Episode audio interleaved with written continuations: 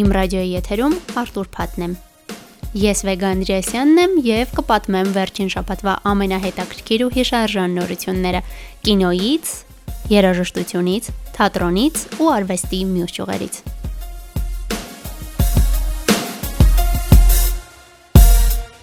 Բենեդիկտ Քեմբերբեչը HBO-ի նոր մինիսերիալում կմարմնավորի գաղտնի գործակալ Ալեքսանդր Լիտվոենկոին։ Հերոստարիքն արդեն սկսում է Լոնգոգրադի նկարահանումները, այն հիմնված է լրագրող Ալան Քոուելի «Վերջին լրտեսը» գրքի վրա եւ պատմում է 2006 թվականին Լոնդոնում Լիտվինենկոյի թունավորման մասին։ Ի դեպ, նույն թեմայով եւս մի մինի սերիալ էլ պլանավորում է բրիտանական ITV հեռուստաալիքը։ Այստեղ Լիտվինենկոին կմարմնավորի Դեյվիդ Թենանտին։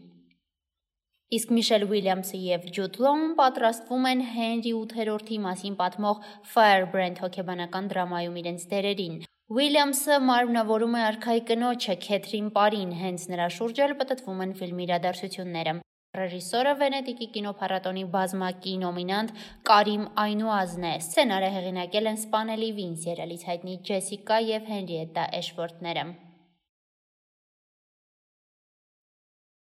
Բոլոր նրանց համար, ովքեր ցանկանում էին եւս մեկ անգամ տեսնել Lady Gaga-ին կինոէկրաններին, համացանցում է ամենասպասված թիզերը։ Խոսքն իհարկե Ridley Scott-ի House of Gucci-ի մասին է։ Ֆիլմը նկարահանված է Gay Forden-ի համանուն գրքի վրա եւ պատմում է լեգենդար դիզայներ Mauricio Gucci ու նրա կնոջ Patricia Reggiani-ի մասին, ով հետագայում 16 տարով ազատազրկվել է ամուսնու սպանությունը կազմակերպելու մեղադրանքով։ Ադամ Դրակբերի գլխավոր դերակատարմամբ ֆիլմում երբ երկրորդական դերերի համար էլ հավաքված է իրական աստղաբույլ՝ Ալ Պաչինո, Սալմա Հայեք, Ջարեդ Լետո եւ այլն։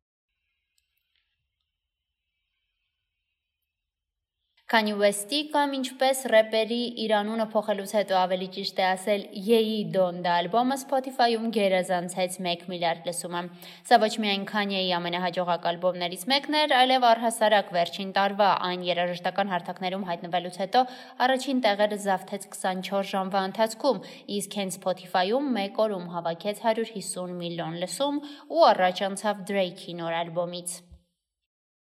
Վերջին 40 տարվա ընթացքում առաջին ալբոմի թողարկման նախաշեմին շվեդական ABBA լեգենդար խումբը հայտարարել է ստեղծագործական կարիերայի ավարտի մասին։ Խմբի ներկայացուցիչները արդեն պաշտոնապես հայտնել են, որ Voyage ալբոմը եւ դրա շնորհանդեսի արդիվ կազմակերպվելիք շոուն կդառնան երաժշտական խմբի վերջին աշխատանքը։ Ալբոմի թողարկումը նախատեսված է նոյեմբերի 5-ին, իսկ այն ներկայացնելու համար կազմակերպվող համերգը 2022 թվականի մայիսի 27-ին։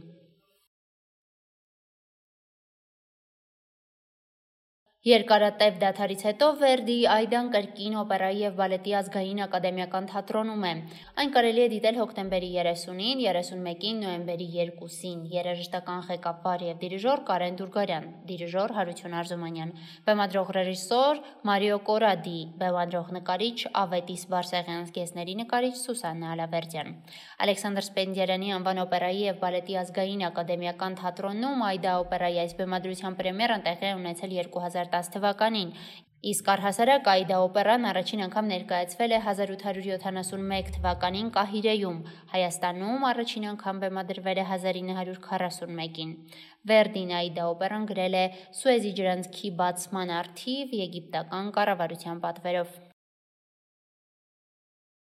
Նոյեմբերի 5-ին Երևանում տեղի կունենա ամերիկացի հեղինակ Էլիզաբեթ Գիլբերթի «Ուտել, աղոթել, սիրել» համաշխարհային բեսթսելերի հայերեն թարգմանությամբ գրքի շնորհանդեսը։ Լիլիթ Հայրապետյանի թարգմանությամբ գիրքը հրատարակել է Զանգակ հրատարակչությունը։ Մանրամասները իմ ռադիոյի տաղավարում պատմում են հրատարակչության թարգմանական գրականության բաժնի պատասխանատու խմբագիր Հասմիկ Եղիազարյանը եւ թարգմանիչ Լիլիթ Հայրապետյանը։ Ողջույն։ Ողջույն։ Ողջույն։ Հասմիկ, ինչու հենց այս գիրքը, ինչու հենց հիմա ինչպես որոշվեց թարգմանել հենց այս ստեղծագործությունը։ Ընդհանրապես ինչու այս գիրքը ընդհանուր կուզենայի պատասխանել այս հարցին, մեր սկզբունքն է զանգակրատարակչության, որ գիրքը լինի հետաքրքիր, օգտակար, հաճելի բնական որովհետև գեղագիտական հաճույքի համար են, եթե գեղարվեստական գրքերի մասին է խոսքը գնում եւ ընդհանուր առմամբ բազմազանություն ապահովի, թե ինչու այս գիրքը էլի նշեմ, որ մի քանի ձևով ենք մենք որոշումներ կայացնում, դրսից առաջարկներ են լինում, լինում են տարբեր սկզբունքներով, տարբեր տվյալներից ելնելով մեր որոշումները։ Այս դեպքում ուրեմն Լիլիթը մեզ առաջարկեց եւ նաեւ դա որ համապատասխանում էր նաեւ մեր այդ տարվա ծրագրերին եւ այսպես այս գեղեցիկ համագործակցությունը իրականացավ եւ գիրքը արդեն փաստորեն ծնվել է։ Այսինքն ընտրությունը այս դեպքում գլխավոր դերակատարությունը Լիլիթին է, Լիլիթ Հայրապետյանին է։ Լիլիթ ինչպես ցակեց միտքը թարգմանելու հենց այս ստեղծագործությունը առհասարակ հենց գործի հետ ծանոթացել եմ ֆիլմից առաջինը ու այնպես չի որ ամերիկյան մելոդրամաների սիրահար եմ, այդպես շատ թեթև ֆիլմ թված անցավ գնաց, հետո տարիներ հետո Էլիզաբետ Գիլբերթի հետ արդեն որպես հեղինակ սկսեցի ծանոթանալ, ուշադրության կենտրոնումս էր, ինտերվյուներ էի նայում, TED Talk-եր էի նայում, հիմնականում հենց ստեղծագործության վերաբերյալ իր մոտեցումները շատ հարազատ թվացին իմ ականջին ու մի տեսակ չէր բռնում այդ ֆիլմի հերոսուհու մակերեսային լինելը ու Գիլբերտի այդքան հարցերի շուրջ խորամուխ հա մտքերը արդյունքում փորձեցի հասկանալ այդ ինքս ինձ համար բացահայտել ինչի այդպես ու սկսեցի It Pray Love-ի sense ծանոթացումը ընթերցանությունից այնքան հարազատ գիրք էր ինձ համար, որովհետև մի կողմից այդ Իտալիայի բոլոր այն վայրերը, հա, ուտելիքները, որ ինքը նկարագրում է։ Ներեցեք, որ ընդհատում եմ, գուցե երկու բառով մոտավոր սցենարի նույնպես ծանոթացնենք ինչի մասին։ Իհարկե առանց սփոյլերների գիրքային մարդկանց համար ովքեր առհասարակ ծանոթ չեն գիրքը մի կնոջ փնտրտուքն է, հենց ինք իր փնտրտուքը մի քանի մշակութային կոնտեքստներում, հա, Իտալիայում հաճույքի փնտրտուքը, Հնդկաստանում հավատի նվիրվածության փնտրտուքը եւ Ինդոնեզիայում այդ երկուսի բալանսի փնտրտուքը ճամփորդում է ու այդպես հենց հուշագրությունների տեսքով գրում իր նոթերը Իտալիայի մասին այդ բոլոր հա այդ բեքդրոփում իր պատկերացումները ինձ համար շատ հարազատ էր, որովհետև ինքս եղել եմ Իտալիայում ու այն բոլոր վայրերում, ներառյալ հա Նապոլիում, այն ամենահին պիցերիայում, ու այդ համերը նույնիսկ ինձ համար sense նոստալգիկ էին, երբ որ ես կարդում էի Ինչ վերաբերվում է Հնդկաստանին, ապա շատ երկար տարիներ արդեն յոգայով ու արևելյան այդ մեդիտատիվ պրակտիկաներով ինքս շատ հետաքրքրվում եմ ու փորձում եմ այդ սահմանը պահել, հա, ինչն է ուղակի մոդայի, արևմուտքից եկած բան, թե ինչն է ավելի հենց գիտական ու գուցե ինչ որ առումով նաև կրոնական ու Գիլբերտի սոցիալական, հա, հարցերի վերաբերյալ մոտեցումներն էին շատ հարազատ, արդյունքում այդ ամեն ինչը չէր կարող ինձ չստիպել մտածել ինչու չունենանք, հա, հայերեն գիրքը ու հետաքրքիր էր նաև որ գիրքը լույսատես է 16 թվականին փետրվարի 16-ին այսօր տեսա ամսա թիվը ու այդ իմ ծննդյան օրն է արդեն 15 բնորինակը բնորինակ այո 15 տարի հետո ունենք հայերեն գիրքը որ ինձ համար ինչ որ այդպես սիմվոլիկ նշանակություն ստացավ հետաքրքիր։ Այդպես առաջարկեցի ու ներգրավեց թարգմանական գրականության ցանկում։ Լիլիթ մի միտք նշեցիք Ջուլիա Ռոբերտսի կերտած կերպարի ֆիլմում գլխավոր հերոսուհուն մարմնավորում է Ջուլիա Ռոբերտսը ավելի մակերեսային լինելու մասին։ Ճիշտ հասկացա, որ քանի որ վստահ եմ շատերս ստեղծագործությանը ծանոթ ենք հենց ֆիլմից, այդ թվում ես գիրքը չեմ կարդացել, տարբերությունը գրքի ու ֆիլմի մեջ այս դեպքում փաստորեն շատ է բավականին հաշվի առնենք, որ սա առաջին դեմքով գրված, հա, գրականություն է ոչ թե պատմողական, այսինքն լիքը բան ուղակի դուրս է մնացել, հենց այդ ռեֆլեքսիվ գրականության կտորը ֆիլմից իհարկե դուրս է մնացել, շատացել են այդ տեսարանները, հա, գեղեցիկ, ինքը ավելի այդպես թեթև ժամանցային է, մինչդեռ գիրքը շատ ավելի ներաշխարային է Այս հարցի շուրջ հետաքրքիր է երկուսիդ կարծիքնել, նախ ասմիկ ինչ է կարծում, կարող ենք ասել, որ ոչ այնքան հայկական պատմություն է, հա, եթե կարելի է այդպես ասել, ինչ է կարծում, որքանով հետաքրքիր կլինի հայ ընթերցողի համար եւ նաեւ Լիլիթի դեպքում էլ հետաքրքիր է լեզվական առումով, որքանով է հերթ հայաֆիկացնել, այսպես ասած, հա, պատմությունը։ Հասմիկ Նախ որքանով է հայկական, բոլորովին հայկական չի ու շատ շատ բաներով, բայց մյուս կողմից ցանկացած մարդու մարդկային պատմություն մարդկային է, այսինքն մարդուն երկու բան է թվում ընդհանրապես հետաքրքիր.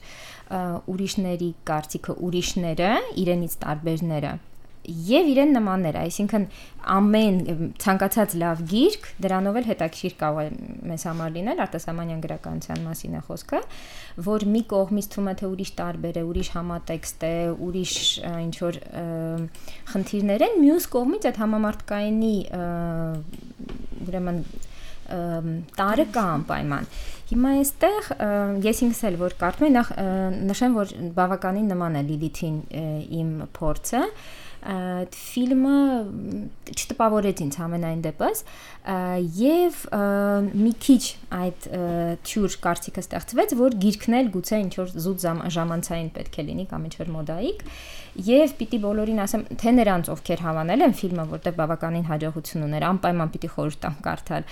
եւ նաեւ նրանց առավել եւս ինչպես ես եւ միմին նպաստորեն ում որ դուրս չի եկել որտեղ իսկապես նախ համ ժամանցայինի տարը կա, որը կարևոր է այստեղ։ Եվ այդ մտորումները, փիլիսոփայական ինչ որ ներհայեցումները եւ շատ կարևոր էր նաեւ մենք Լիլիթի հետ էլ այդ համակարծիք ենք, որ այստեղ այդ ճանապարհորդական նոթերի ժանրի իմաստով էլ շատ հետաքրքիր, որովհետեւ շատ հետաքրքիր խորը հիմնավորված եւ նաեւ չափավոր, ոչ շատ գիտական, որ կարող է շարքային ընթերցողին ճնշել, գիտելիքներ է տալիս այս երեք երկրների մասին։ Ընդ որում, ես թվում է Իտալիան մոտիկ է, Եվրոպայի մասին ամեն ինչ գիտենք, բայց այնքան գեղեցիկ մեկնաբանություններ է դաս ու ոչ տուրիստական ինչ որ մակերեսային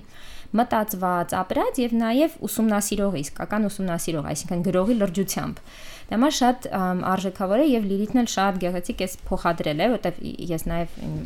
մասնագիտությունն էի իտալերենա, շատ այսպես խանդոտ էի դրամերաբերում։ Ոչինչում չէր թերացել Լիլիթը, ինչպես նաեւ Էլիզաբետ Գիլբերտ, այսինքն ու թերանալի իհարկե մի քիչ չափազանցված բան է, բայց այսինքն շատ խնամքով եւ սիրով է արված։ Էլ չեմ ասում Հնդկաստանի, Ինդոնեզիան, այնքան մեծ, ուրեմն այնքան տարբեր մեզ այնց, այնքան հեռու մեզ այնց մշակույթներ են, որ հաստատ արժեր մենակ դրա համար թեկուս կարդալ։ Եվ երկրորդը այստեղ կենտրոնում ինչպես հասկանում ենք կինն է, եւ խնդիրները, որոնց մասին այս տիկինը խոսում է, այդ խնդիրների, չգիտեմ, մի զգալի մասը շատ արդիական է ցանկացած աշխարհի ցանկացած կետում գտնվող կնոջ համար, այդում նաև հայ կանանց համար եւ անպայման մի օրինակ է, որը զուտ օրինակ է մի կնոջ ճանապարհորդություն, մի կնոջ ինքը իրեն հասկանալու փորձն է, որը պիտի օգնի մեր ընթերցողին, մեզ, հա, փորձել մեզ ինքներս տալ նմանատիպ հարցեր փորձել նրա օրինակով հասկանալ, գուցե ինչ որ մի բան, ինչ որ մեզ անհանգստացնող մի բան, ինչ որ լուծում պիտի ունենա, եւ գուցե այդ լուծումը այնքան էլ հեռու չէ, այնքան դժվար չի, եւ այս ներքին փոքրիկ կամ մեծ ճանապարհորդությունը կատարել եւ օգնել ինքներս մեզ, որովհետեւ եթե մեզ չօգնենք, օգտակար աշխարհին էլ չեն կարող լինել։ Լիլիթ Ես կուզեմ լրացնել այս առումով սոցիալական հոգեբանության մեջ կա սոցիալական էքսպեկտացիաների գաղափար, օրինակ, հա 40 տարեկան տղամարդուց ակնկալվում է, որ ինքը պետք է ընտանիք ունենա, հա, երկու մոտավորապես 2 + 1 երեխա ունենա, մեքենա, տուն, ստաբիլ աշխատանք, այսինքն մի բան, որ սոցիումը սпасում է, հա, այդ տարիքի, այդ սերի, այդ դերի մարդուց, բայց այդ ինստիտուցիոնալ տարիքներից, հա, ճգնաժամային տարիքներից մեկում բոլորիս մոտ հարցեր են առաջանում, որ արդյոք սոցիալական սպասելիքներին միայն հա համապատասխանելն է, որ ինձ երջանկացնում է, կա արդյոք երջանկություն այդ ամեն ինչից անդին կա արդյոք այլընտրանք, հա, այդ ամեն ինչի ու սա համամարտկային է, այսինքն այդ ադապտացիայի նույնիսկ կարիք չի զգում, ոնց որ ասեց Հասմիկը, մի կնոջ օրինակ կա, որը որ տարածելի է այնքանով, ինչքանով որ մեր կյանքում կան արդյոք նման ակտուալ խնդիրներ։ Ինչ վերաբերվում է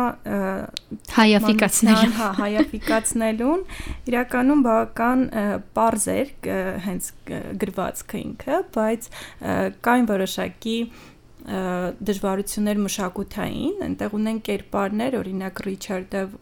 հանդիպում է Հնդկաստանում, կմոտարապես 60 տարեկան պատերազմի վետերան, հա, sense նախկին թմրամոլ, հիպի, հիփստեր կերպար, որը որ մենք